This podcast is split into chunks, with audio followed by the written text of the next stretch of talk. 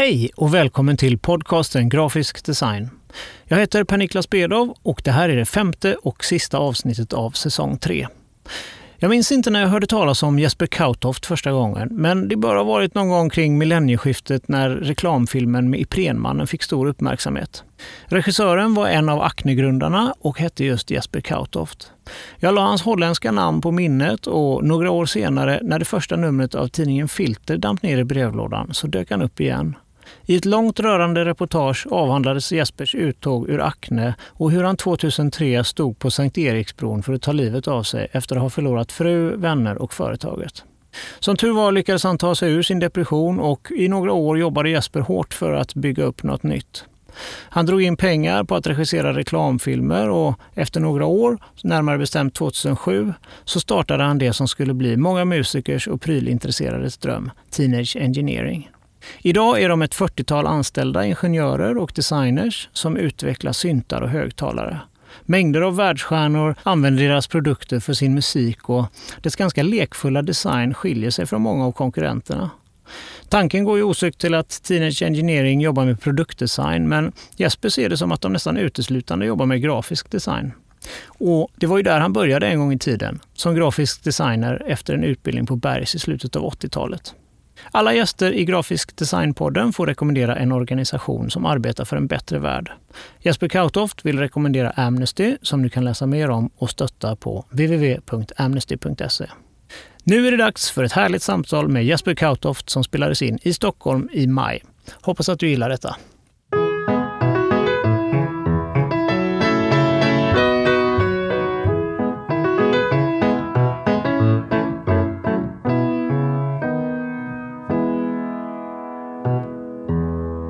Välkommen Jesper Kautoft. Du är aktuell med ett nytt projekt för IKEA som heter Frekvens. Stämmer gott. Berätta. Frekvens är en kollektion av produkter som eh, idén handlar om att om man kan åka till IKEA och, och skaffa grejer till sitt party. Och jag har ju en firma eh, tillsammans med några kollegor som heter Teenage Engineering så vi jobbar med tekniska grejer då. Så det är en serie tekniska produkter. Eh, högtalare, lampor, skivspelare kommer också. Som, eh, ja, det är, en, det är, en, det är vad kan det vara, 8 till 15 produkter. Det är lite oklart. Det går liksom upp och ner hela tiden. När kommer det ut? Juli 19 är det sagt. Mm. Det, också, det ändras också hela tiden. Men produkterna är färdiga? Produkterna är färdigdesignade. Jag har jobbat med det här nästan två, ett, ett, två år nästan tror jag det är nu. Men det är en ganska lång process att göra en produkt. Så designen den sattes kanske nästan för två år sedan. Sen är det ju en rad tekniska hinder som, eh, som ska liksom övervinnas och sådär. De bilderna som finns på nätet som man kan läsa om det här, är det så den kommer se ut? Jag tror det. Det har cirkulerat lite allt möjligt där. Det är lite prototyper som jag tror Ikea har fotograferat av och lagt ut på Instagram och lite sådär. Men eh, på det stora hela, ja. Men det är en vinylspelare, en diskolampa, en högtalare, ja, förstärkare. Två, två, högtalare. två, två högtalare, egentligen tre. Det är en boombox, en typ mer för, försök. Det kanske kommer en lite större också. Eh, jag tror Ikea kallar den internt för Megasound, hoppas, ja, den hoppas jag på. Sen så är det en spotlight, en, vad ska man säga, en, en pixeldisplay eh, med LED, eh, liten sån här LED-grid. Stativ till detta, skivspelare. Ja, det, det är typ det. Pitchar ni in ett sånt uppdrag till dem eller kommer de till er? Och... Jag kommer ju från reklambranschen där man ofta pitchar och sådär. Men i våran värld så det skulle nog i princip vara omöjligt om inte IKEA hade kommit den starka viljan att göra någonting. Så att de kom till oss och eh, egentligen med, med eh, ett eh, vitt papper, hur kan man hantera ljud i hemmet? För att de började inse att ljud kanske är en del av inredningen. De kom till oss och vi satt en hel dag och hade vad ska man säga, någon slags väldigt, väldigt enkel workshop. Eh, men det var ett ganska stort team, tio pers från Ikea som kom. Ja, men sen så några veckor senare åkte vi, åkte vi till Las Vegas. För det var hemelektronikmässan där, CES. Och så kollade vi in vad som fanns på marknaden. Eh, och eh, festade ganska hårt också. eh, och sen när vi kom hem därifrån så hade vi tre veckor på oss att leverera någonting. Och då byggde vi i princip den här kollektionen. På tre veckor bara? På tre veckor, ja. Så det gick, väldigt, det gick väldigt, väldigt snabbt. Och så gillade de vad de såg. Men det är lite som, som vi jobbar. Vi gillar att säga, jobba väldigt fysiskt. Att uh, inte uh, tänka för mycket strategiskt och uh, vara översmart liksom, när det gäller såna grejer. Utan bygg snabbt, eh, testa vad som är kul när det händer någonting. Och sen liksom så här, testa det på folk också runt omkring. Liksom. Så det var det vi gjorde och de gillade det jättemycket. Just för att de kunde ta på grejerna under presentationen. Det var liksom inte eh, på papper bara skisser eller renderingar utan det var, de kunde leka med grejerna. För mig som är dåligt insatt i ingenjörskonsten, vad, hur eh, tekniken bakom det här, hur avancerad är den? Den? Eh, det har också gått upp och ner. Vi är ju ingenjörer så vi föreslog en väldigt, en ganska tung teknisk plattform. Men samtidigt så ville vi eh, ha Ikeas priser på det. Jag tycker det är en av de mest intressanta sakerna med det här projektet. Det är så här, hur kan vi, vi, för våra grejer är ganska dyra, de som Teenage Engineering gör, men hur kan vi liksom lära oss Ikeas sätt att tänka? Vad är det man ska ta bort? Vad ska man inte ta bort? När är det good enough, så att säga? Det var en, en stor uh, lärdom i det där. Och men vi hade en väldigt teknisk, eh, hög nivå på det från början. Den har vi faktiskt tagit bort så det är väldigt enkelt. Det är enkelt för alla liksom. Man behöver inte kunna någon, behöver inte förstå någonting. Och av det som jag har sett på bilder så är den svart, gul och röd. Några detaljer som har mm. gult och rött. Mm. Vad är det som bestämmer färgsättningen för en sån produkt? Egentligen är det så här att vi jobbar inte, med, vi gör inte så många samarbeten. Utan det är väldigt få. Vi har gjort några stycken under nästan ett per år i Teenage Engineerings historia. Bara för att vi tycker att det är kul och att det ger någonting. Eh, och delvis att det finansierar vår verksamhet. Men vi försöker inte göra någonting annat än vad vi skulle gjort för oss själva. Och när vi jobbar så har vi en, en väldigt begränsad färgskala. Jag tror vi har åtta RAL-färger. Så det var väl helt naturligt att ta liksom två av, eller tre av de färgerna. Jag tror vi hade typ fem från, från början men det blev för dyrt. Så det blev slutnummer två. Så att eh, väldigt enkelt. Vi jobbar på exakt samma sätt som vi gör med våra andra grejer. Och de, de ralfärgerna, varför ni har just de åtta då? Varför är, är det för det ska kunna tillverkas i många olika länder och det är begränsat utbud? Eller? Nej, men för det första, jag gillar ju begränsningar och eh, när jag började i den här världen så fanns det, jag kommer ihåg att man jobbade mycket bara med Pantone. Och redan då var den katalogen ganska tjock liksom, för det var lite väl mycket färger. Eh, den klassiska RAL-skalan, jag tror att den har typ 81 färger eller något sånt där. Det är, bara där är det liksom mycket roligare att jobba. Dels för att färgerna är balanserade. Så att om du tar en signalgul och en signalröd, då vet du typ så, här, men de, de kommer matcha varandra i, intensitet och allt sånt där. Så att det gör jobbet mycket lättare på vissa områden som, där det saknar det saknas ibland relevans att välja någon annan röd än, än signalröd. Oftast gör det det. Det finns ingen mening med det. Lite därför jag tycker det är mycket mer spännande att, att vad ska man säga, röra mig i en ingenjörsvärld. För att där tänker man inte, det handlar inte om smak och tycke och, och sådär. Utan det är så här, vad är det som funkar? Vad är det som funkar bäst? Och man har ett annat tillvägagångssätt när man eh, skapar något. Och det, det, jag gillar det. Jag går igång på det på något sätt. Men du säger att ni tar de här projekten för att finansiera er verksamhet. Är det därför? Inte bara, men eh, det, det hjälper ju lite framförallt så finansierar det den tiden vi lägger ner på. Vi lägger ner väldigt mycket tid på det. Vi är ju vi är ganska många, vi är typ 42 personer nu så det, det kostar ju liksom varje månad att dra runt det här gänget. Liksom. Du kommer ju från vänsterkanten, inte bara geografiskt utan även politiskt. Ja, exakt. Ja. Hur, hur, funkar det, känner du, att jobba med IKEA? Det är ju ett multinationellt stort företag som eh, tjänar mycket pengar. Går det eh, stick i stäv med din eh, politiska åskådning? Eller? Vi lever ju på något sätt i den världen vi lever och det, på något sätt så känns det som att att vara i den, eh, det, det, är ju jättekomplext såklart. Nej, man kunde göra mycket, mycket bättre grejer med sitt liv. ja, det är kommersiellt och det är, det är dåligt. Men, och jag tänker inte försvara det på något sätt. Men det är lite som när jag jobbar i reklambranschen också, att det är så här, det kanske är nästan något av det mest avskyvärda yrket man, man, kan ha. Men man kan göra lite gott där man är. Liksom. Att eh, till exempel ha mer värme i en annons eller bättre mänskliga värderingar eller vad det nu är. Och jag tror att det är så här att jag gillar ju det med IKEA att de kallar det demokratisk design och det är självklart att det, det är något, eh, en förtäckt kommersialism såklart är det där men, men eh, jag gillar ändå att man kan skaffa sig, om man vill ha en, till exempel då en fest eller en högtalare så kan man kanske köpa den billig och den är faktiskt helt okej. Okay. Istället för att man inte får ha någon musik hemma. Eh, jag kan gilla typ så här, det har IKEA gjort väldigt, väldigt bra. Och jag ser ingen skada direkt i det liksom, på något sätt. Jag gillar IKEA. Och Sverige använder ju också IKEA som någon slags bild för folkhemmet. Vad folkhemmet är liksom så här. Eh, vilket är också helt skevt. Att det är liksom, det är nästan, IKEA står ju mer för vad, vad Sverige vill vara än vad Socialdemokraterna är. Liksom. Så att, det, men det är mycket i vårt, vårt samhälle som är liksom illusioner idag.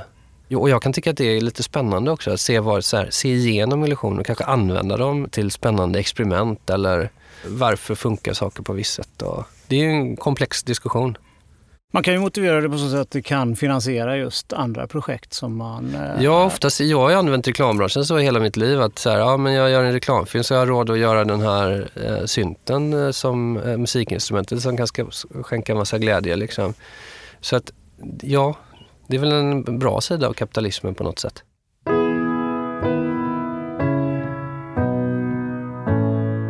Din eh, bakgrund. Jag eh, vet att din pappa var holländare, därav ditt namn och också att han var arkitekt. Mm. Hur har dina föräldrar, för din mamma jobbade på bank men, men din pappa var arkitekt. Då. Har, har de påverkat din, dina karriärsval någonting? Ja, i allra högsta grad skulle jag vilja säga. Um, jag är uppvuxen i en liten eh, håla utanför Göteborg. Det var gröna vågen. Min pappa kom till Holland i slutet av 60-talet. Eller mitten av 60-talet. Till Holland? Eller från, Nej, till, från Holland till Sverige. Mm. Han är uppvuxen på Jakarta så han är indoholländare min pappa. Så han har rest runt ganska mycket. Men när han kom till Sverige så var det strax därefter så när han fick oss unga då, så var det gröna vågen. Så då flyttade alla ut på landet. Så jag är uppvuxen i en liten håla utanför Göteborg eh, som heter Stannum, men ligger nära Gråbo i Lerums kommun. Om du tänker liksom, det är ju bara bönder där och vi bor i ett litet hus och så här, men pappa, med pappas bakgrund så det såg ju inte ut som de andra husen inuti. Utanpå såg det ganska vanligt ut liksom, men det var väldigt designat eh, för, för, att, för, att ligga där det låg. Och även med andra mått mätt eh, så var det väldigt, eh, väldigt fint. Väldigt eh, extremt kan jag säga. Eh, han hade ju ritat alla möbler själv och de som han inte ritat var liksom Jo Colombo och det hetaste som vanns på den tiden som han hade råd med då, för han var inte, han var inte så rik kanske. Men, men eh, det var väldigt... Eh, och ritbordet hemma, så vi satt ju alltid vid hans ritbord och använde hans grejer och sådär till hans förtret. Det sitter ju blodet också så här, du vet, vi pratade lite om det innan det här, men att min pappa gick bort precis. Men, och då förstår man också ännu tydligare kanske vad han har betytt för en. Eh, men en, den, en av de finaste egenskaperna som hade var att vi fick alltid vara med. Så till exempel när de skulle lägga plattor utanpå, utanför huset. Då var han inte nöjd med plattorna som fanns på marknaden utan då skulle han och mamma gjuta egna plattor eh, som var eh, orangea. Han färgade in dem, det var jäkla mäktigt där. Men det blev super, superfint. Men vi fick vara med, han berättade om hela processen och det är ett sätt han kom ju från Holland och där, eh, på konstakademin där när man blev arkitekt så fick man lära sig allt. Man fick lära sig väva, mura. Så han, han gjorde ju allting själv. Det tog ju fruktansvärt lång tid men jag tror att det har satt lite så spår i mig att ja, men en halva delen av jobbet är att lära sig processer och lära sig hantverk. Då kommer det så mycket per automatik. Och jag har haft ganska stor nytta av det känner jag. Det vad ska man säga, förhållningssättet i de grejerna jag har gjort. Och sen så flyttade du därifrån då, eller eh, i, slutet av 80-talet till Stockholm för att gå på Bergs. Mm. Hur kom det sig att du valde det? Det var helt enkelt så att Bergs var den bästa skolan på den tiden. Eh, den var, den var inte så kommersiell. Eh, det fanns en Artlinjen hette den. Och det, där kunde man bli illustratör, grafisk formgivare eller art director. Och sen så fanns det en copyklass eh, och sen fanns det i princip inget mer. Och den låg precis bredvid Beckmans. Så det var, det var den skolan som hade bäst rykte på den tiden. Så det var därför. Fick du den här uppmaningen av dina föräldrar eller hittade du det? För det är ju ett ganska, vi har pratat om det lite tidigare i den här podcasten, att det är ett ganska nytt yrke om man jämför med arkitekten till exempel. Ja. Vem var det som hittade det åt dig? Gjorde du det själv? Eller? Eh, no, både och. Alltså, när, min pappa var ju arkitekt och, sen när man, och vår familj rörde sig ganska i, vad ska man säga, i den typen av kretsar. Så visst, det fanns några art directors i familje, eh, vad ska man säga, familjerna runt omkring och sådär. Det var väl mer att jag kände att jag var nog mer intresserad av grafisk design skulle jag säga från början. För jag tyckte jag ville inte heller... Jag tycker det var lite deppigt att gå i farsans fotspår. Liksom. Jag ville inte liksom kopiera honom, jag ville komma från något eget håll. Så att det var väl... Jag vet inte. Jag, jag har aldrig tänkt på det faktiskt. Jag gick ju en linje som heter reklam och dekoration också på gymnasiet. Så att det börjar ju väldigt tidigt. Så jag har aldrig liksom egentligen reflekterat så mycket över alltså att det är karriärsval. Utan det är så att jag, ja men från det ena till det andra. Så. Det är ganska många som jag har pratat med som inte visste vad grafisk design var förrän de kom upp i 20-årsåldern. Sådär. Och du var ju då 19 va? Du var ja, 70, ja. så du var 19 när du flyttade ja. hit. Men då kanske det var på gymnasiet där då som eh, du ändå lärde dig att det fanns ett yrke som hette så? Nej, men jag har ju hållit på med typ gnuggisar. Jag vet inte om, folk vet vad gnuggisar är, men det är så bokstavsark som man gnuggar på den tiden. Det är, någonstans, eh, och min pappa gjorde också väldigt mycket grafisk design. Alltså dels skyltar när han ritade sina ställen och han, han jobbade väldigt grafiskt också. Så att, jo, jag nog visste nog vad grafisk design var när jag var fem år typ. För att jag såg ju det liksom runt omkring. Efter du studerade där, då började du på Paradiset? Nej, inte direkt. Jag var ju ganska ung när jag gick på Bergs. Jag var ju 19 som sagt. Och jag var lite fung så kunde inte riktigt ta till mig och var lite rastig. Jag var inte så mycket i skolan om jag ska vara helt ärlig. När jag gick ut 91 så var det ju eh, den här fastighetskraschen var det va? Vilket påverkade Stockholm något enormt. Så att det fanns typ inga jobb. Så vad jag gjorde då det var att jag startade eh, en egen liten firma och flyttade tillbaka till Göteborg. För eh, jag fick något erbjudande att sitta på någon byrå där. Jag fick ett eget rum och så. Eh, utan att betala. Så jag åkte ner dit och så satt jag och gjorde skivomslag i ett år. Sen eh, tröttnade jag på det. Jag fick, blev deprimerad helt enkelt och flyttade tillbaka till Göteborg. Vilka band gjorde du omslag? Eh, Blue for Two var ett. Eh, Electric Eskimos var någon polare eh, som sedermera eh, Kalle blev eh, basist i Soundtrack of Our Lives. Gamla barndomskompisar. Eh, Whipped Cream var ett annat. Det var lite sådär. Eh, jag hann väl göra typ så fem, sex stycken eller något. Nej men så tröttnade jag på det. Då ringde jag min kompis Paul Malmström som var art director på Paradiset och frågade om det fanns jobb. För jag blev lite desperat och lite låg liksom. Eh, så jag fick jobb direkt där. Och det var väl tack vare att jag hade på något sätt byggt på min portfölj lite med de här skivanslagen. Det är riktiga grejer och det var liksom, det var helt okej okay grejer. Och då jobbade du tillsammans med Jocke Jonasson? Ja, jag blev äh, assistent till honom och Paul. Hur var det då? För de, eh, de, som lyssnar som kanske inte vet då, Jocke Jonasson var ju en, en legendar inom eh, reklam. Ja. Är väl fortfarande kanske. Även. Ja. Och eh, drev Paradiset med, med kända jobb som Diesel till exempel. Diesel och Björn Borg och det var massa OLV. Och... Hur var det att jobba med honom? Det var ett helvete. Men också väldigt, väldigt bra. Men jag hade ont i magen varje dag jag gick till jobbet. Typ drack varje dag också tror jag. för att självmedicinera. Nej, det var, det var, väl, det var ett fantastiskt ställe. Eh, men extremt tufft klimat liksom. Eh, hårt. På vilket sätt? Var det höga krav? Det, ja, det var höga krav. Men det var inte så att det var liksom så här i rummet höga krav.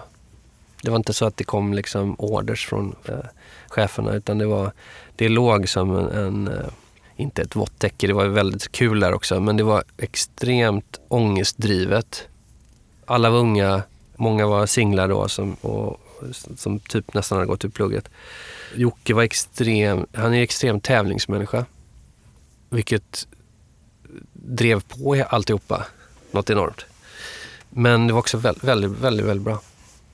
Det var, det var, Jocke måste jag också säga, han är lite så, han påminner lite där om, om min pappa med att han, hur hård han än var i det där så byggde han människor. Eh, och sen har jag läst att du eh, sa upp dig på dagen och gick bara därifrån. Nej, det var så här, det var en, det var, vad ska man säga, en eh, Paradiset hade bestämt sig för att de skulle ha en teambuilding-dag på Berns, du vet, man sitter och pratar om framtiden och sådär. Och Jocke kommer faktiskt ihåg det här fortfarande än idag, men då i slutet av den dagen så frågade jag typ så här, för jag, jag började känna, jag började få en känsla av att det var så högt i taket på Paradiset, det fanns liksom egentligen inga gränser. Och då tyckte jag så här, då hade jag en enkel tes som var så här att kan vi inte sälja kreativitet istället för att sälja reklam? Ja, det låter spännande. Vad menar du? Ja, vi kanske kan öppna en hamburgerbar till exempel. Vi skulle kunna ha en superbra hamburgerbar. Det var bara ett exempel. Men då slog, eh, slog de eh, bakut, typ. Eller de var ju tre grundare. då. Två av dem typ bara, nej det kommer vi aldrig göra, typ. Men sen kom Jocke fram till mig i slutet av kvällen och bara, fan det var en liten intressant tanke du hade där en dag. Men vi kan tyvärr inte göra det här. Det är liksom inte i ramarna. Det är, eh, de hade också dessutom sålt byrån till DDB så att de jobbade av sin tid kan man säga. Så att, eh, nej men så kort efter det så sa jag upp mig. Eh, för jag kände att det var, det var, det fanns ett tak. Och det trodde inte jag. och då var det inget roligt längre. Men och då, var det då du startade Acne Ja, tillsammans med tre kompisar? Jag startade i och för sig Acne redan under Paradisets tid. Ett tidigare Acne som hette Acne Technology. Med tre också faktiskt programmerare. Och vi gjorde så här cd-rom-grejer. Så att eh, jag jobbade på, när alla gick hem på Paradiset så satt jag i ja, säkert ett års tid och så öppnade jag för de här killarna och så satt vi och jobbade från till ja, sju på morgonen. Eh, vi rökte jättemycket också hela nätterna. Så att de blev sura när, vi kom, när de kom till jobbet. Men, så att jag startade redan då. Men när jag slutade på Paradiset så samlade jag ihop några kompisar till och så startade vi eh, ett Acne till. Så det fanns två Acne. Ett Acne Technology och ett Acne International. Sen drev du det tillsammans med tre stycken andra fram till 2002 då Ja. det blev ett, ett, ett uppmärksammat avslut. Bland annat tidningen Filter har, har gjort ett långt reportage om dig och uppbrottet där. När du gick ur den, för, för du, då har du berättat att du gick in i en depression och sådär. Hur, hur såg det ut när du kom igång igen? Vad, vad tog du för uppdrag då? Alltså i princip gick det nästan ett år där jag bara satt hemma och eh, gjorde musik. Jag jobbade ju lite med elektron då och designade deras syntar och sådär. Så att jag gick in lite i det. Elektron är ju alltså ett... Um, Syntföretag ja, Ja. i Göteborg. Jag fick någon sån där, jo jag började, vet, så- det var faktiskt väldigt, väldigt enkelt. Jag var ju superdeprimerad, jag höll ju på att- jag var ju väldigt nära att ta livet av mig till och med. Så att det var väldigt eh, eh kritisk tid i mitt liv. Men jag började sakta men säkert så här, eh, vad ska man säga, hitta tillbaka till någon slags kreativt. Det finns ju mycket dåligt i en sån där händelse. Men det finns ju också väldigt, det är otroligt befriande att bara stå på gatan och, och eh, liksom egentligen ha förlorat allt över en natt. Det är ju en jäkla kick i det. Det är lite som att tågluffa, jag bara säga, och inte veta vart man ska åka. Men, men eh, jag levde, jag, och jag ville nästan vara kvar i det i ett års tid. Men sen så började jag, och under den processen så fick jag någon så här känsla av att jag skulle göra en långfilm. Eller det hade faktiskt börjat eh, även på Acne-tiden. Jag hade en långfilm i mig som jag så här skulle göra. Och då såg jag framför mig att det skulle vara fyra jättefina bilar i den där filmen. Lamborghinis. I olika färger.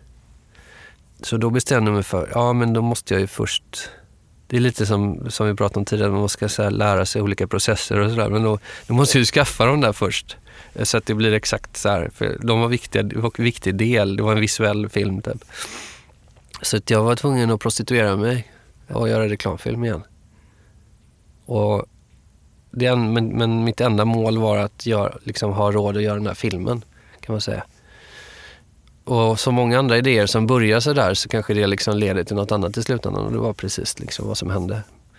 Jag bestämde mig för att göra reklamfilm för att eh, det var väldigt bra betalt. Och jag hade också mitt egen produktionsbolag så det inte gick några pengar till någon annan. Typ. Någon pimp helt enkelt. Så, så nej, så det var, det var en... Eh, vad heter, katarsis heter det? Ragnar... eh, jag gick igenom, det var fruktansvärt. Jag var, jag var som en prostituerad. Ja, du kände så när du jobbade med ja, de här reklamuppdragen? Inte alltid, men, men väldigt ofta. Och, och då började du samla på Lamborghinis, mm. den italienska lyxracerbilen. Mm. Hur, hur många samlade du? Jag har väl haft, haft typ så sju som mest, men eh, i slutet hade jag, nu har jag sålt nästan alla, men jag hade typ så fem väldigt länge. Och alla var sådana här V, det är en klassisk motor, en V12. Alla var designade av eh, Marcello Gandini också.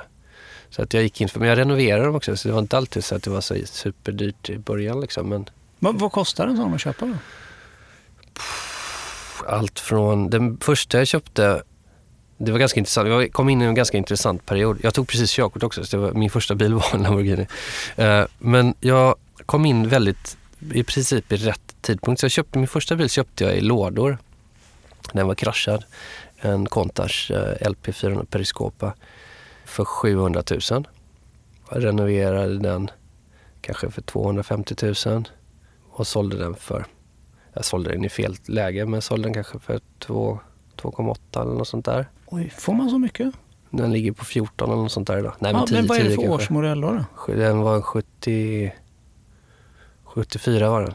1974, alltså det var nummer 11 av alla konton. Det, det, var det som var så fint på de där bilarna, de tidigare serierna, att de hade bara tillverkat 150 av varje modell kan man säga. Och sen så är det ju ganska snabba bilar, så många är kraschade och finns inte längre. Så att eh, det var extremt noga med serienummer och allting sånt där. Nej, men sen så hittade jag en annan bil i, eh, som hade stått i ett vardagsrum i Kalifornien. Också en Countach, en Metallic-grön. Den eh, hade 49 mil på mätaren, så den rankades fortfarande som ny. Eh, I bilregistret så var liksom ny. Så den skickade ner till eh, Santa Agata där, där de byggde bilarna. Och eh, tillsammans med en eh, vän som heter Gino som, som håller på med sånt där. Så renoverade vi bilen med de gamla pension, eh, alltså de ingenjörerna som gått i pension. Så det var liksom så här, tjejen som hade sytt sätena liksom på eh, slutet av 70-talet och ingenjören som hade byggt motorn. Och de, på, de bor ju där i byn. Så att den blev helt ny, liksom, den här bilen. Och den hade fortfarande bara 49 mil på mätaren. Men den finaste jag hade var en Miura. Eh, Miura är en av de vackraste bilarna som har gjorts. Jag gillar ju Contachen men jag hade den en, en, sista eh, Miura SV. Jag tror nästan den finaste Lamborghini i världen faktiskt. Den hade tillhört eh, kungen av Qatar. Röd och guld var den. Men eh, du har inga kvar utav de här? Jo, jag har en, eh, en modern. Det, blir, det, är ett, eh, det är som att köra en traktor, på så här, men han tillverkar ju traktorer också. Men det är fruktansvärt jobbigt att köra de bilarna. Och man får också tänka på att det räcker att du liksom kör in i liksom när du ska parkera, någon, att det blir en spricka i skärmen. Och du vet, så här, det, är så, det är så jäkla mycket pengar. Det är inget roligt. Liksom. Och sen så hade jag gjort det så att så nu har jag en modern, en, en, eller hyfsat modern Murcielago. Men det coola med det, det, det finns massa grejer i det, men det är också att jag är ju oxe och det var ju eh, Ferruccio Lamborghini också. Och han var ju underdog, han byggde ju bilarna för att han var arg på Ferrari. Eh, för han hade en Ferrari och klagade på kopplingen och då sa eh, Enzo Ferrari att han skulle bygga traktorer och sluta hålla på med sånt där. Eh, och då hämnades han och genom att bygga en egen supersportbil.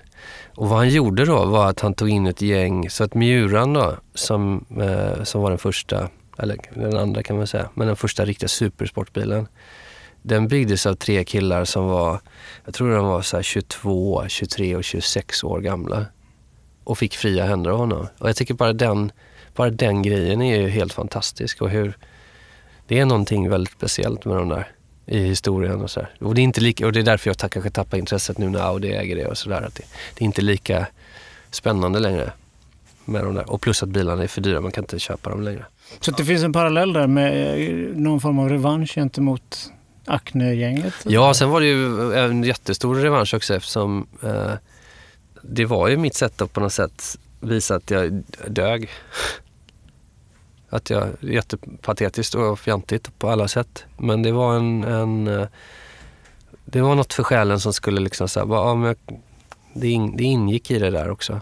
Hur är din relation? Har du någon relation till de andra eh, Acne-ägarna idag? Noll. Det är skönt. Det är skönt. Ja. de, var inga, de var inte mina riktiga vänner. Sen 2005 då, så driver du det som du jobbar med idag, Teenage Engineering. Mm. Egentligen lite 2007, 2008 egentligen kan man säga startade vi egentligen på riktigt. Ja. Men ja, 2005, stod det det på Wikipedia kanske? ja det, är, det är fel. Man ska inte lita på Wikipedia. Nej. Du måste göra, ha källkritik. Ja. Ja. Eh, ja, men 2007 då. Ja. Eh, vad, vad kommer Jag gillar namnet. Är ju, det finns ju väldigt vitalt med det här te- Teenage Riot, Ja. Sonic Youth eller Teenage Filmstars. Vad Mm. Var kommer namnet ifrån? Du tycker att det är ett bra namn? Ja, fantastiskt. Nej, vad roligt. Tack för det. Det kommer från... Det var ett, egentligen... Det var ett annat projekt från början som var långt tillbaka. Jag tror till på år, runt 2000. En idé om att... För att många i, som jag hängde med var med om hemdatorrevolutionen med Sinclair, Commodore 64, Amiga, allt det där. Liksom. Vissa var Atari. Men det fanns någon slags eh, romantisk bild av att en maskin som du kan faktiskt påverka. Så att vi höll på att bygga, vi höll på jättelänge med ett experiment med en bärbar, portabel liten maskin som var som en, hem, som en hemdator kan man säga. Påminner lite om egentligen någon slags blandning mellan vad Arduino och iPhone är idag. Så att det är därifrån namnet och- hela det konceptet kallar vi då för Teenage Engineering som var någon slags vilja att man vill göra någonting men man kanske inte har full kunskap. Liksom. Men man har mer vilja och man har det där ovetandet som gör att man liksom så här, finns liksom inga gränser. Och just att man inte vet är det som är det fina. För annars hade man aldrig gett sig på vissa projekt. Det känns ganska typiskt, eller vad ska man säga? Det känns som att det har blivit en del av oss också att vi jobbar på det sättet att vi går in i grejer som, som eh, vi kanske inte riktigt behärskar och ser det som en styrka snarare än en, en svaghet. Eran eh, verksamhet, ni gör ju syntar och eh, högtalare och lite sådär. Det är ju väldigt hög designnärvaro i, i de bitarna. Hur mycket jobbar ni med grafisk design? Bara skulle jag säga. Jag, har, jag är ju som sagt grafisk designer från, från grunden och jag är ingen industridesigner. Men jag ville göra produkter och det började ju de med elektron kan man säga. Eh, designa designade deras trummaskiner och syntar och sånt där. Men egentligen så handlar det om, oftast var det bara typ paneler. Du skulle göra en layout och så skulle knapparna liksom gå att trycka på. Du skulle förstå vad du gjorde. Vi jobbar fortfarande så att vi jobbar väldigt tvådimensionellt. Vi skissar inte så jättemycket men när vi skissar så skissar vi typ i tvådimensionellt i Illustrator och, och för hand och sådär. Så för mig handlar allting om att disponera en yta. Men sen om den ytan är från flera olika håll, ja fine och sen ska det linjera. Det är lite så här, det är lite som du är grafisk designer och så gör du en förpackning. Då börjar du stöta på samma problem som är industriell design. Att så här, ja men okej nu har du plötsligt liksom flera sidor att jobba med. Vad händer då? Och det är ganska intressant. Och då måste man bygga alltså mockups och man måste liksom bygga dem. Men det är ändå graf, alltså det är design i botten, det är samma principer som gäller. Det är bara att griden är tredimensionell istället kan man säga. Jag kan inte göra organisk design heller med såna här ytor och sånt, jag kan inte det. Så att vi gör inga sådana grejer. Eh, och ergonomi tror jag inte på. Jag tycker det är en dålig, dum, dumt koncept. Liksom. Så att det är, det är väldigt så här, tvådimensionellt. Vi tänker tvådimensionellt i allt. Så om man tittar på många av produkterna som ni har så de är ju ganska de är väldigt inbjudande, lite lekfulla i sitt uttryck och sådär. Eh, men typografiskt så är du mycket striktare. Eh, du balanserar det med en strikt typografi. Nå, jag, eh, det handlar lite om så här. En av anledningarna till att jag startade Acne en gång i tiden var ju att jag hade jobbat med reklam i några år. Vi fick produkter liksom på bordet och så här, ja men gör ett koncept runt det här. En kampanj, en känsla liksom. Och då tänkte jag alltid så här, fasen man borde ju gjort, det var ju väldigt ofta man så här, men produkten är ju inte riktigt så här, den är inte sexig i sig, det liksom, det kommer inte gå. Det kommer inte gå liksom, eh, den funkar inte. Och jag tycker typ så här att i sin finaste form så är ju produktdesign den står för all kommunikation. Både varumärkesmässigt och eh, grafiskt. Och, och, det räcker liksom. Det, det, ska räcka med den att bara liksom göra en, en produkt tillräckligt bra. Så gör den hela det jobbet. Och då behöver man ingen, vad ska man säga, typografi som supportar det. Det behövs inte, utan snarare ska kanske typografin bara ge den informationen som vi behöver av, det vill säga produktnamnet. Vi har, trycker nästan aldrig eh, loggan om vi inte verkligen behöver, utan vi försöker liksom embossa eller debossa den i, i, på baksidan så att det är så här, okej, okay, om du letar riktigt noga så ser du att den är från oss, men det ser man inte annars. Förutom att man ser det faktiskt på produkten förhoppningsvis, hur den är gjord. Jag såg att det satt på laddkabeln, stod det, Teenage ja. Engineering på ja. en produkt. Ja. Det... Och det var just det då, ni medvetet vill inte lägga den på? Ja, så att vi är, vi är väldigt... Eh, jag har faktiskt, du kan se, jag har en, en eh, jag tog med mig den här. Den kanske inte så bra i radio men alltså, det är också så här, vi är inte intresserade av design på det sättet att det har, vad ska man säga, ett eget space utan det är en helhet och det har ju med ingenjören också hur de ritar sina kretskort. Allting är liksom, det är ett. Så det här är en maskin som kommer ut i ja, augusti tror jag. Någonting. Det, är våra, det här är vår nya maskin. Och du ser den, folk tycker bara, ah, men fan vad tråkig den ser ut. den är grå och uh, men där har vi liksom så här, det är samma sak där. Vi har tagit bort allting. Baksidan är inte klar ännu. Mm, jag får beskriva den här då. Den ja. är grå, vad kan den vara? 20 cm gånger 5? Ja, den är 212.5 gånger eh, 57,5.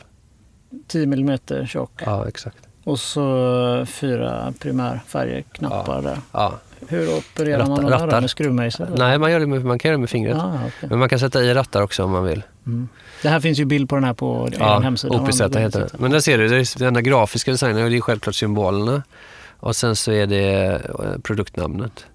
Hur mycket tänker ni på när ni jobbar med symboler? Det här ser jag att det finns en hi-hat och vad kan man, kanal liksom förståelsen för det där? Förstår alla i musikbranschen? Alltså, de... na, na, man kan säga processen när vi gör det här. Så vi ritar om det här hundratals gånger. Eh, olika symboler som den här, vi har bytt ut den här skiftknappen till exempel nu som är en pil uppåt till en med streck och så känner vi på hur det känns. Känns det logiskt? För att det är ingen skiftknapp utan det är olika sidor bakom rattarna och sådär. Det är det som är så fint med att jobba i två, tre år med projekt. Så att det där är inte ens final även om vi... Nej, det är, det är inte det? Nej. Det här är, är bara en prototyp som... Nej, jo, nej, den fungerar och allting. Ja. Den är, men där ser man också typ, den här är ju eh, två, två även om den är tredimensionell, men det, den är tvådimensionell liksom. Vad kan du göra med den? Kan du hålla den med mikrofonen och spela upp någonting där? Ja, jag ska se om jag kan... Man kan sjunga i den också. Om man håller in den här mik mikrofonen. Oj, nu rundgång. Hallå? Vad är det här som du spelar upp nu då? Va? Vad var det du spelade upp där? Det var något eget? Ja, det var en låt som är gjord på den här. Ja. Eh, det är en sequencer. Men det coola med den här är att man kan sequensa allt. Så du kan sequensa rörliga bilder och eh, lampor. Och, och, Så tanken är, vi brukar ha en sån här bild i huvudet så här, när vi gör grejer. att så här, Hur använder man en sån här? Vad kan vi göra i vårt lilla space som vi är när det gäller musikinstrument, elektroniska musikinstrument? Jo, vi gillar ju portabla grejer. Då, så att vi tänker att man sitter på, på bussen på väg till ett gig. Man, har liksom så här, man går på bussen utan någonting, inget material. Så gör man det på vägen till giget. Man har den här i sin innerficka. Och sen när man kommer dit så är liksom både ljusgrejerna, videogrejerna och musiken liksom så här färdig. Så man bara pluggar in den där så kör man typ. Någon slags framtidsvision av vad musikskapande kan vara liksom. Och det är ganska intressant. Det är väldigt intressant att göra portabla grejer. Just i den här datorvärlden och när det gäller musik. Att så här, det hände någonting. Så att, ja. Men det var, det var en liten sidospår. Mm, ja, kul ja, att se. Men där ser du på våra primärfärger. Det, är liksom, det som jag tycker är intressant med vad ska man säga, alla discipliner eller yrken som man går igenom det är att det är en läroprocess som, som tar ganska lång tid och för oss det är så att trycka färger kontra plast det är jättestor skillnad och vissa plastsorter hanterar färger på ett sätt. Och, så att för oss är det en, så här, det, det, är en lång process att bara jobba med åtta ralfärger, bara det är krångligt. Och tänk att matcha det genom då, liksom, från manualer till liksom, eh, olika material. Det är super, super svårt. Den ser ju, även om jag vet att den är väldigt tekniskt eh, innehåller mycket, så känns den ju ganska lättanvänd med det här formspråket som ni använder. Ja, Det är lite som Google som är som extremt eh, Ja, stor det- teknik och sen så... det är lite tillbaka till varför jag gillar IKEA också. Det är så här med deras manualer och att det är att så här, du sätter ihop själv, och, men att det är liksom lättförståeligt. Det tycker jag är det finaste. Om man kan skriva till exempel en barnbok för alla, då har man gjort ett fantastiskt jobb. Det är, det är nästan det svåraste man kan göra.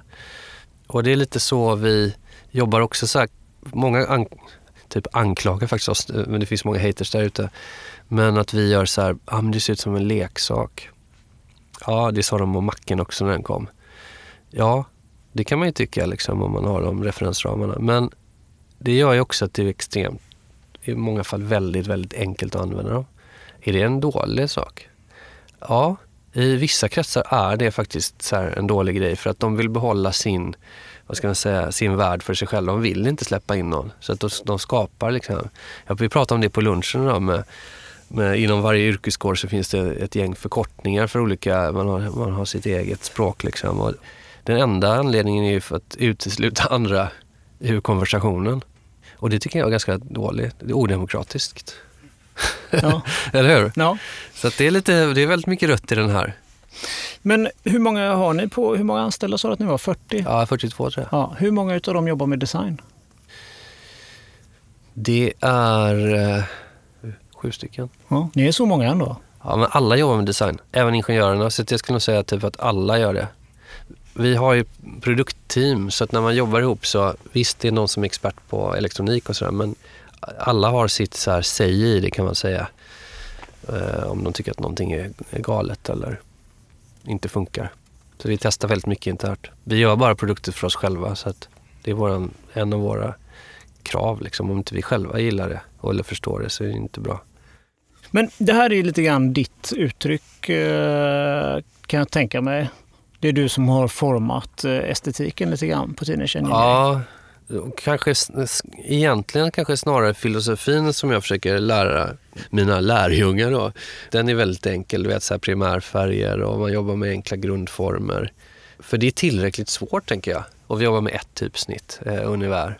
Det är liksom tillräckligt svårt. Och vi, vi, vi kanske bara kommit 10% på vägen att behärska liksom, den begränsade liksom, verktygslådan vi har. Så att, ja. Du, du säger att det är din filosofi. Berätta om filosofin då. Nej, men vi har pratat om några grejer, till exempel att det ska vara eh, öppet för alla. Eh, det ska vara unisex.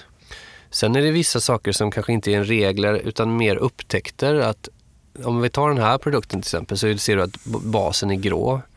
Och nästan alla våra grejer är gråa om de är just så här kreativa verktyg för att grå, jag läste någonstans att det är den optimala färgen för att främja kreativitet. För att den är minst störande. Och det kan man tycka vad man vill om. Men det som den gör det är att färgerna blir väldigt intressanta liksom, om man jobbar med ljusgrått. Så att vi har alltid typ så allt från svart till vitt som bakgrund kan man säga på produkterna. I princip, inte på allt men. Eh, så det är en grej till exempel för, att färgerna poppar. Liksom. Enkla grundformer. Vi jobbar med en, eh, ett mått som är 2,5 millimeter i allting vi gör. Och det handlar om att eftersom vi bygger i huvudsak saker och ting man tar på och trycker på så har vi kommit fram till, och vi vill göra portabla grejer, så vad är avståndet liksom mellan två fingrar?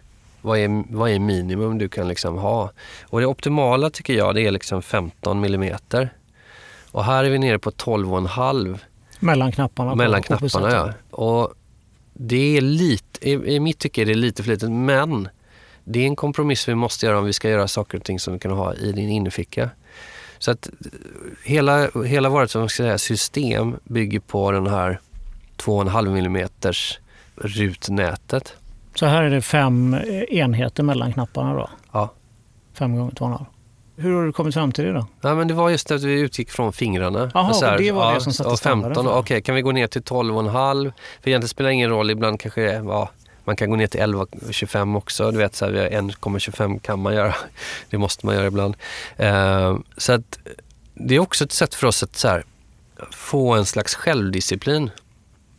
Jag försöker också ta bort, det här är också på något sätt en, en del av filosofin, det är att jag gillar inte individualismen när den blir för stor, utan jag gillar gruppen. Jag gillar att man som grupp gör någonting och även över en lång tid. Jag tänker typ så här, jag tänker att vad vi gör nu det är en liten del av mänskligheten, det är en, en, liksom en liten punkt i, i mänsklighetens historia. Vad vi kan göra det är liksom att förbättra eller förstå liksom, och göra det, det vi kan. Istället för att fokusera så mycket på oss själva. Och det kan man ju också, det finns ju massa dubbelt i det. Nu sitter jag och pratar här typ för åtta personer som kanske skulle vilja sitta och berätta hur de tänker. Men det är på något sätt den här disciplinen att så här, ja, men stoppa dig själv åt sidan. Lär dig ditt yrke, gör det du ska, tillför det liksom till mänskligheten, det som du kan bidra med. Det är på något sätt en finare tanke, tycker jag. Det är lite lika samma, eh, samma sak som att det är finare att inte vara egoistisk än egoistisk. Så enkelt är det. Jag tycker det är finare. Jag tror att många håller med.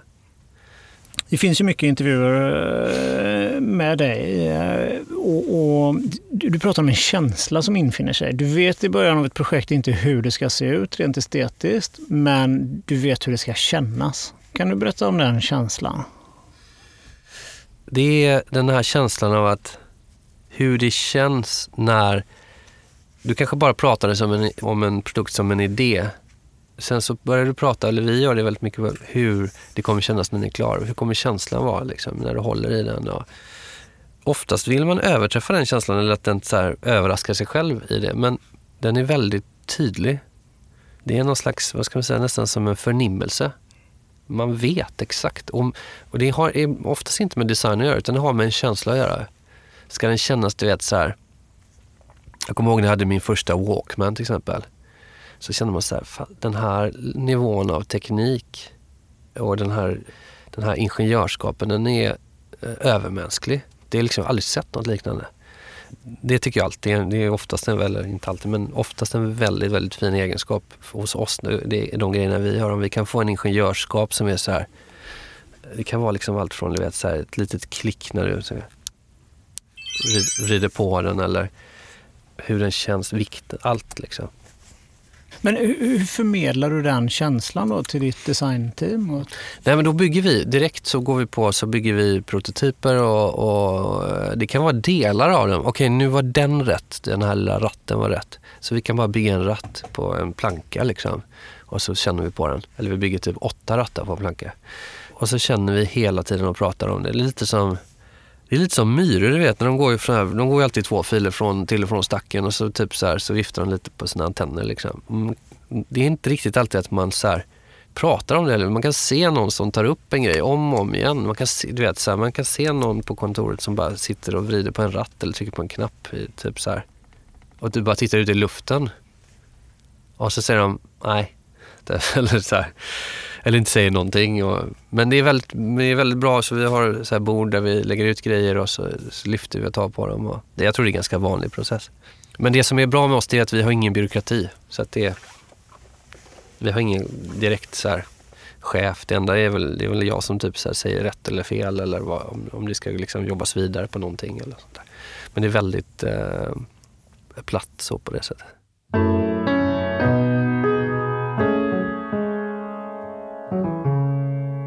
Men du, du förekommer ju, eh, som jag nyss sa här, i, ofta intervjuer och sådär. Hur jobbar Teenage Engineering med PR? Jag kommer ju lite från den här världen så jag, jag, jag är inte helt bakom flötet. Så jag förstår att det är viktigt. Vi har haft en PR-ansvarig eh, länge. Nu har vi tre, ja, tre, fyra stycken som jobbar med det. Tre, fyra stycken anställda som jobbar med PR? Ja, men vi jobbar väldigt otraditionellt eller, eller helt traditionellt som man skulle kunna säga att det är nu. Men vi jobbar ju väldigt mycket så sociala medier och eh, vi reser mycket. Så vi åker liksom till olika ställen och träffar människor som vi känner så här, men de här behöver vi träffa. Och så är vi där någon vecka och, och liksom hänger med dem mer. För att förstå liksom, dels med folk som använder våra grejer men också med pressen. Så man liksom försöker få en, en helhet om vilka vi är och vilka vi skulle vilja vara. Så ibland kan vi utmana det där genom att göra något speciellt med dem eller något sånt där. Eller vara extra intima. Eh, så att, ja, vi, vi är väldigt så här, jag ska inte säga att vi är superbra på det, men vi är vakna och medvetna om det. Vikten av det. Grejen är så här, en produkt den börjar inte och slutar med att du ritar den och sen så tillverkar den utan det är liksom det är ett långt, långt snöre. Och det som egentligen aldrig tar slut. Det är bara vad vår första synt har lett till är liksom helt otroligt när man tittar på det. Vilka människor vi har träffat. Så, så det, är liksom så här, det börjar med ett litet frö och sen så är det bara en lång, lång tråd. Och sen ska du typ så här på något sätt försöka hålla kvar i den tråden för att den bildar en helhet runt både det, dina produkter och ditt varumärke. Och alla människor. Och kulturen och på, där vi jobbar. och så här. Än idag så känner jag typ att kreativitet, eller vad man ska kalla det, det ska inte delas upp i olika discipliner som, som är avskilda från varandra. Utan det, det är liksom ett. Det är en myrstack. Det är då det blir liksom fint, tycker jag. Och en helhet.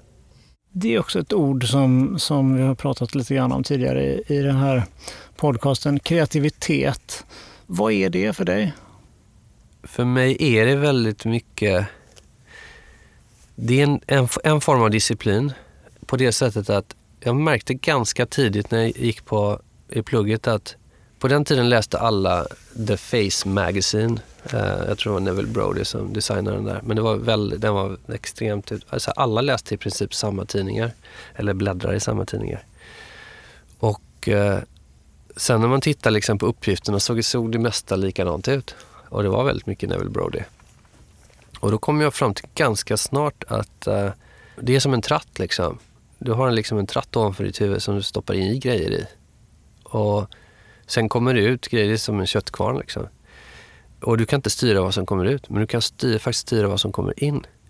Och om man tänker på den enkla tanken så då kan man skapa sin mix av grejer som man stoppar in i huvudet.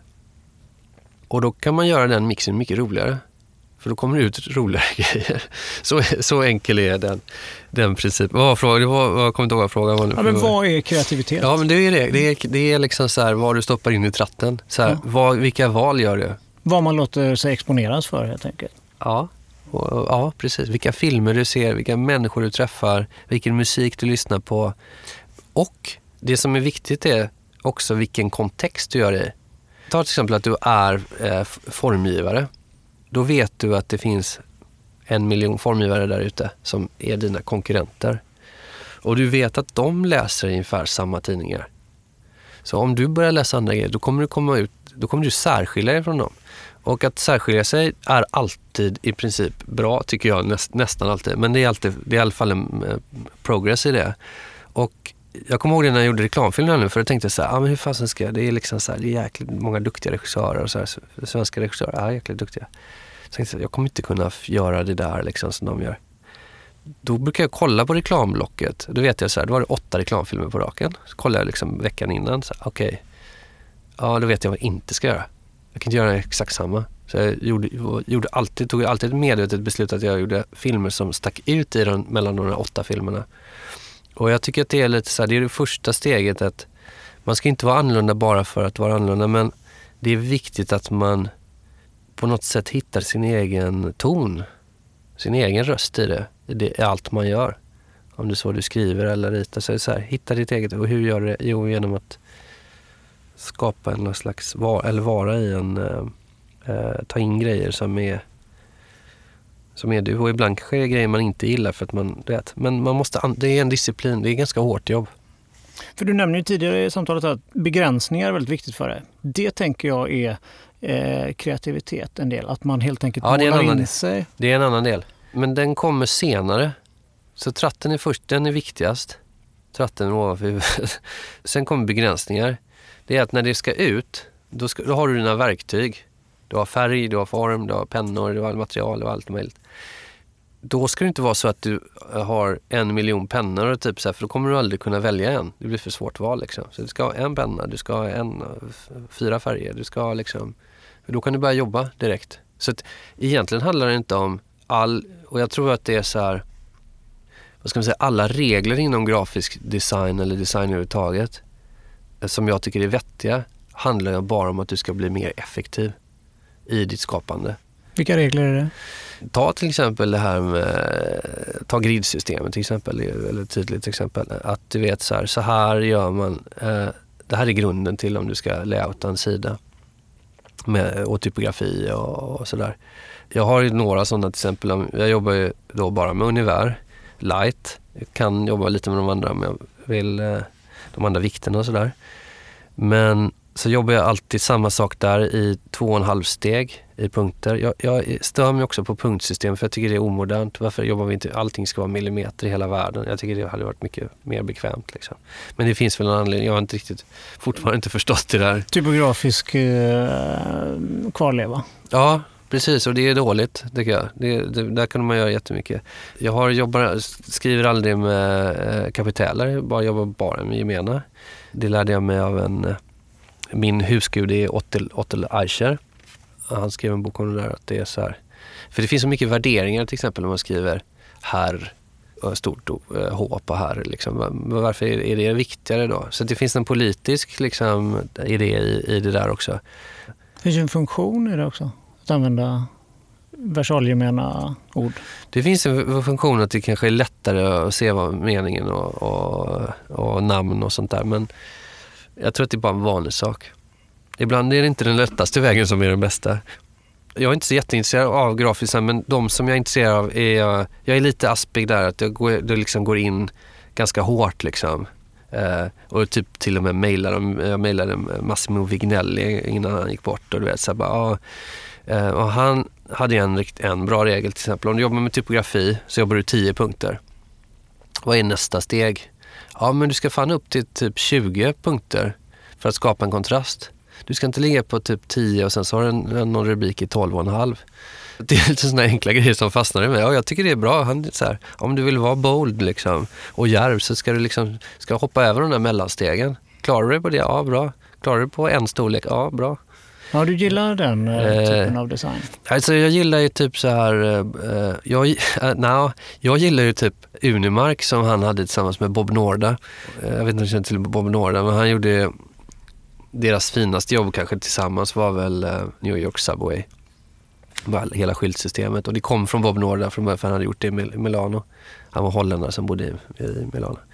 Men de hade i alla fall ett, en designfirma som hette Unimark som var den var ganska så här ondskefull kan jag tycka när man liksom läser boken om dem. Och så där. Men lite där, jag gillar ju, jag gillar ju italienskt. Jag tror jag såg att du hade det på någon sån där, eh, vad jag gillar för grejer. Men jag gillar italiensk design. Jag gillar tysk och holländsk såklart eftersom jag är halvholländare. Eh, det andra, jag, jag, går inte igång till exempel på eh, engelsk typografi. Så jag, jag, jag, jag har bara valt bort det är andra som är bättre på det. Men schweizisk också kanske? Nej, nej, för det är för många. Alltså, jag gillar inte Helvetica, jag hatar Helvetica. Men Univär och Helvetica ligger väl ganska nära? Nej, de gör inte det. De är hästlängder ifrån. det som jag gillar med Univär, varför jag valde det. Jag valde det aktivt för sju år sedan, eller åtta år sedan när jag startade det. Det var ett visst antal färger och sådär. Det var ju att det, jag alltid hatat Univär. För det är så jäkla svårt att jobba med det tycker jag. Men jag hade samtidigt sett några få exempel på som jag tyckte var så här, det här var det finaste jag har sett. Och det var ungefär.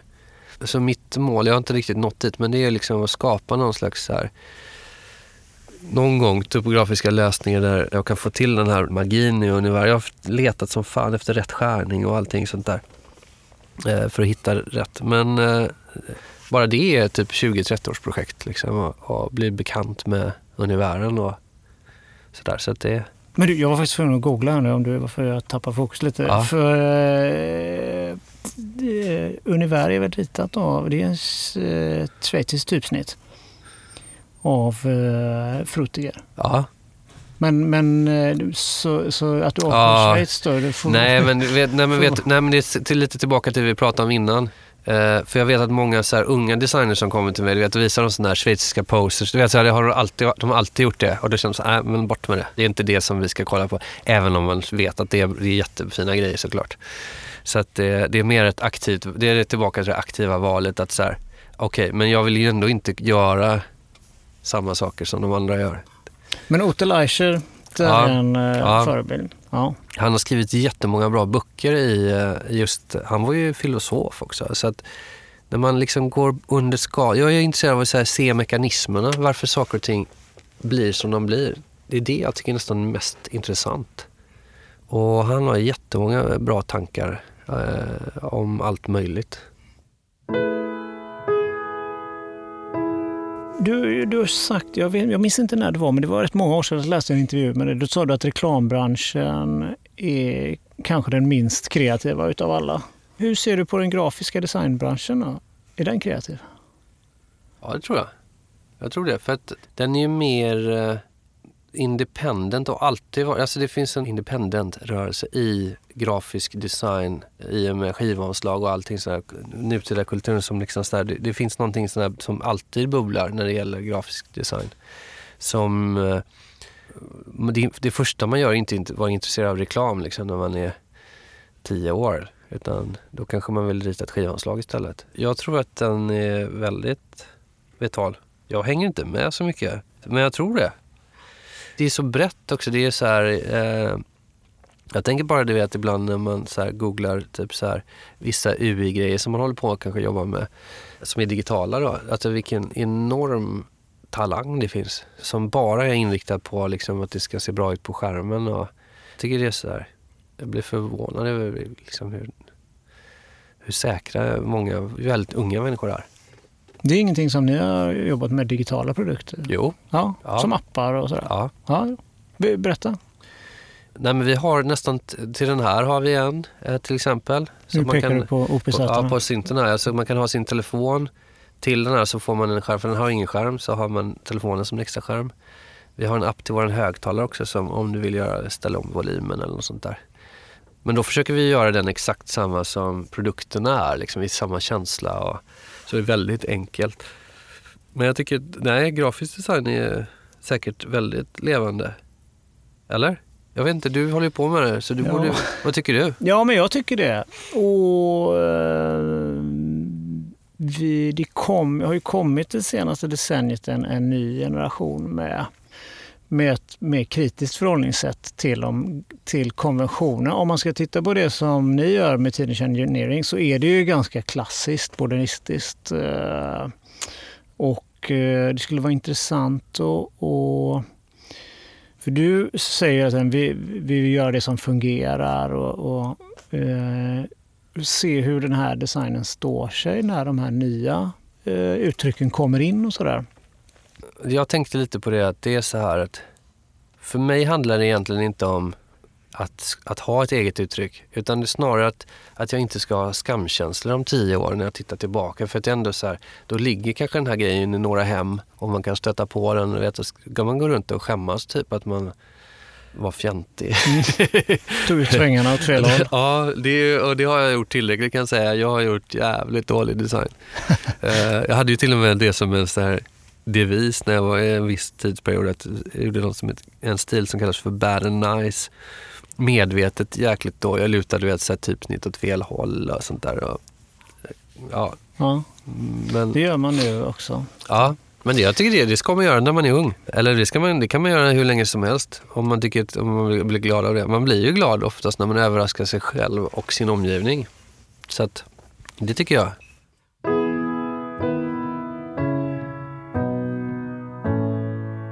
Slutligen då, jag brukar ju be om ett tips av mina gäster och eh, jag har ju en liten inställning att man ska göra en sak under ett yrkesliv och bli väldigt bra på det. Men ja. du har gjort många saker och blivit väldigt bra på det. Vad är, vad är nyckeln till, till den framgången? Först vill jag tacka för att du säger det. Det är väldigt gulligt av dig. Eh, men jag är inte, för det första, jag är inte säker på att jag har egentligen gjort så många olika saker. Alltså, på pappret ja, men det är samma process i mångt och mycket. Det är samma process att, att skapa den här maskinen som att skapa en film till exempel. Eh, eller att skriva en bok. Du, du har så samma tillvägagångssätt. Så att om du förstår de principerna som du måste och den ordningen som du måste göra saker och ting i eller typ sätta begränsningar och, och lära dig regler då kan du göra allt. Du kan göra allt du vill. Jag skulle inte ha några problem med att skriva en, en bok till exempel.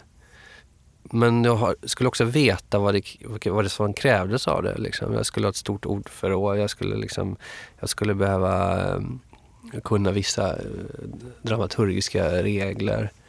Men det är samma, samma grej. Det sa eh, så här, det var någon också som sa, någon så här, stor designer som sa det, att det är liksom så här, om man kan designa en grej, ja men då är det nästan säkert, då kan man designa allt. Det var Massimo Ja, jag tror, visst var det det? ja, det, då kommer du ihåg. Ja. Det är liksom ett, och det är så här, jag tror att det har också så här med, det har med lite hur man ser livet. Att om du inte separerar någonting, då är det lite så här, ska du leva ditt liv på olika sätt när du gör det ena eller gör, nej, du vill leva ditt liv på ett och samma sätt. Som en, du vill ha en livsfilosofi, du kan inte ha flera. Tack så mycket för att du kom. Tack så hemskt mycket, det var trevligt.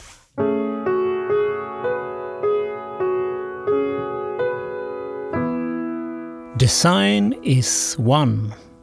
Sagt av Massimo och Lella Vignelli genom Jesper Kautoft. Vilket bra samtal! Vill du veta mer om Jesper Kautoft så är det bara att googla. Teenage Engineerings alla fina produkter hittar du på teenage.engineering. Jag skulle vilja passa på att tacka alla gäster som har ställt upp på att dela med sig av sina åsikter och insikter den här säsongen. Oskar Lybeck, Brita Lindvall Leitman, Johanna Levengard, Peter Ström och Jesper Kautoft. Stort tack! Podcasten Grafisk design görs av Designstudion Bedov som består av mig, Per-Niklas Bedov, Anders Bollman, Mattias Amnes, Phoebe Kong och Nikita Dudson. Jag tror att vi hörs eller ses framöver. Ha en fin sommar!